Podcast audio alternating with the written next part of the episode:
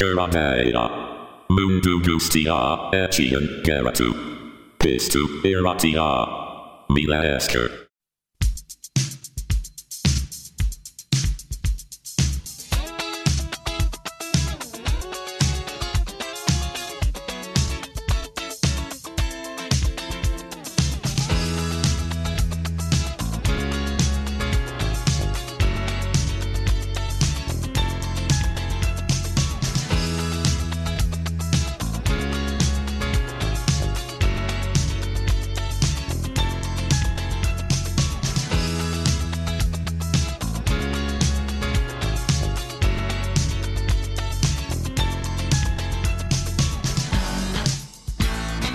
Kaixo guztioi, ze modu zaudeten?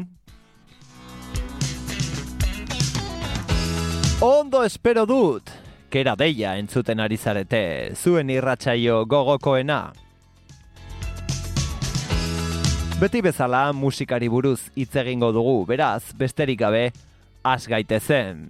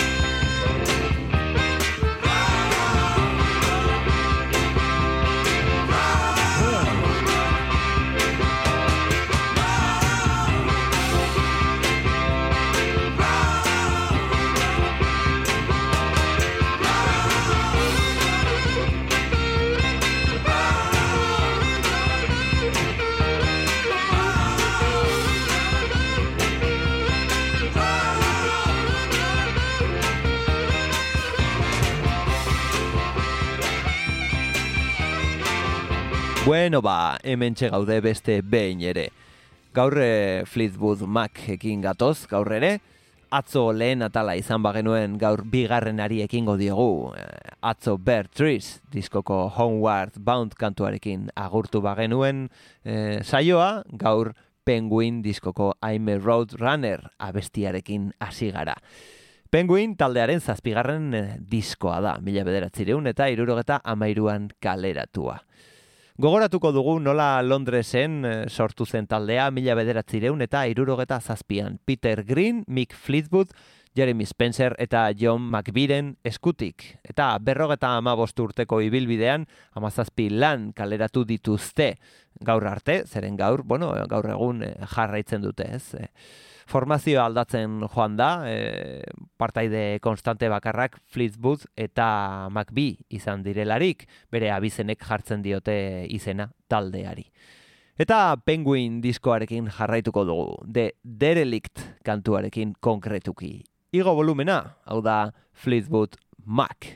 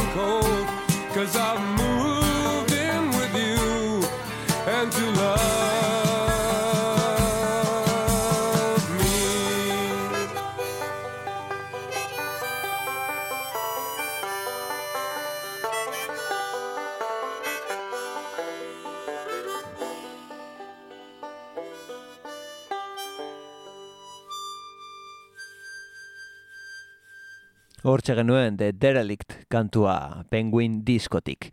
Eta lan hau atzean utzi eta urrengoari ekingo diogu. Mila bederatzireun eta irurogeta amairuan bertan Mystery to Me kaleratu zuen Fleetwood Macek, bere zortzigarren lana. Bertan aurkituko dugu Believe Me kantua. Honela dio.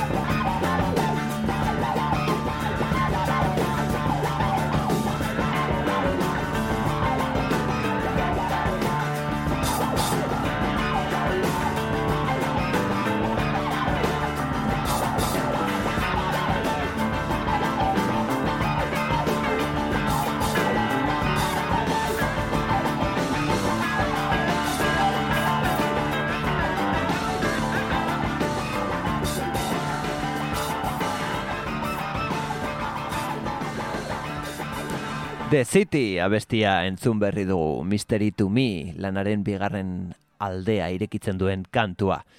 Kantu funky eta pisutsua klase handikoa. Mila bederatzireun eta irurogeta amabostean Fleetwood Macek bere amargarren lana atera zuen. Fleetwood Mac, hau ere, e, jada lehen lanak bazuen izen hori ez, ba honek ere bai. E, White Album bezala ere ezagutzen da lehenengotik bere izteko.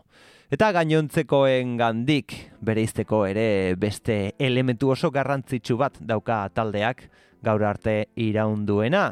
Steve Nixon ahotsa e, mila bederatzireun eta irurogeta amabostetik aurrera taldearen berrei, bereizgarri izango dena, ez? Rianon kantuan entzun dezakegu adibidez.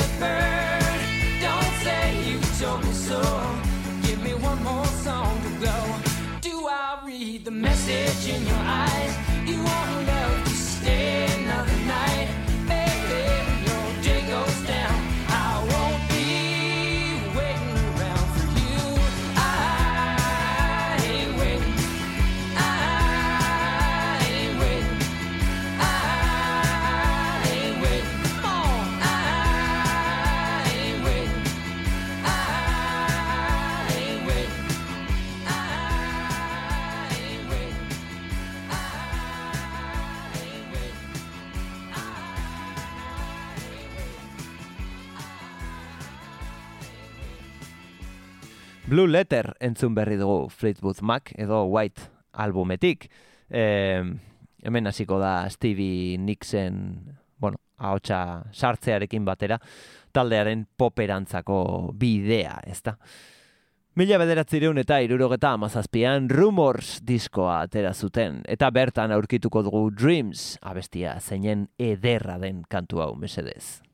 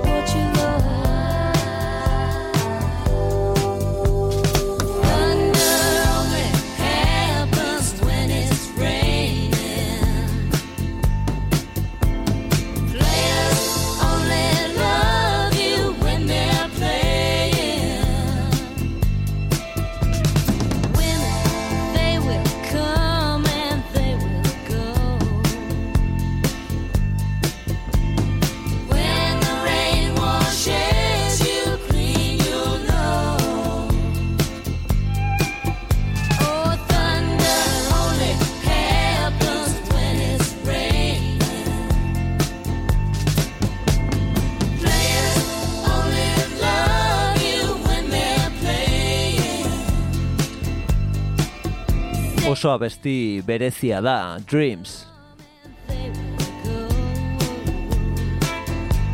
Zeren akordeak ez dira tonikatik sekula pasatzen, ez da bajoa ere. Abestia do maiorren dago, baina e, instrumentuek fa eta sol jotzen dute solik. Bi akorde, konpas bakoitzeko bat, eta ez dut oraindik horrelako beste kanturik entzun. Magia da.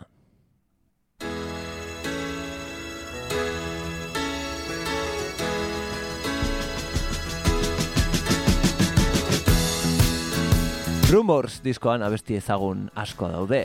Ala nola Don't Stop,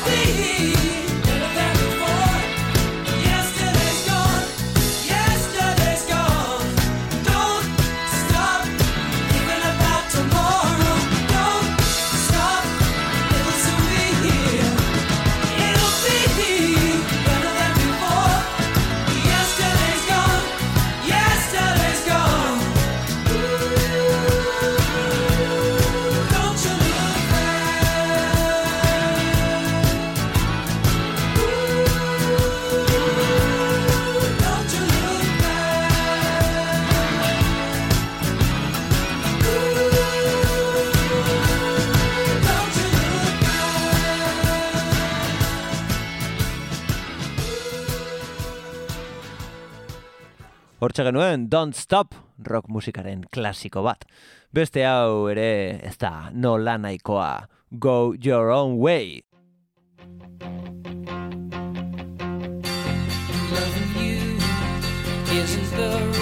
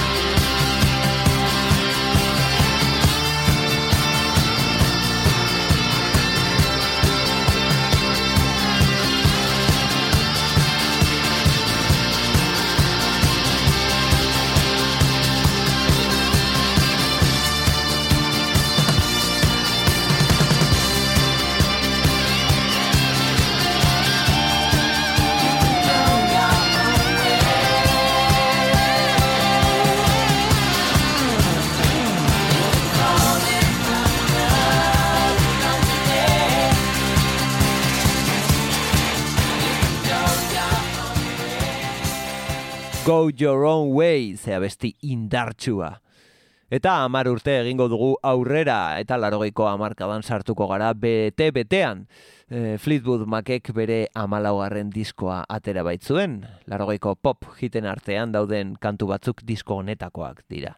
Ikusi nola seginen atzo, blues gordinarekin eta begira non gauden gaur, ez? Everywhere abestia honen erakusgarri garbia da. Honela dio,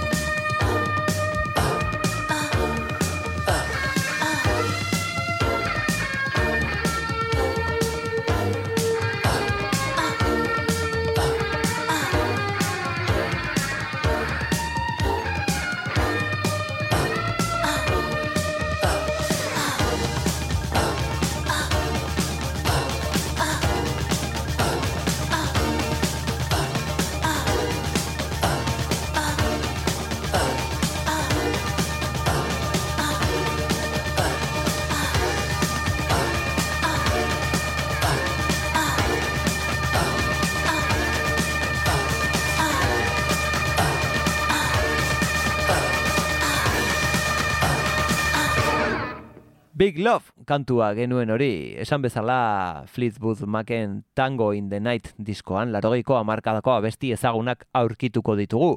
Everywhere zenbat, bestea Little Lies da.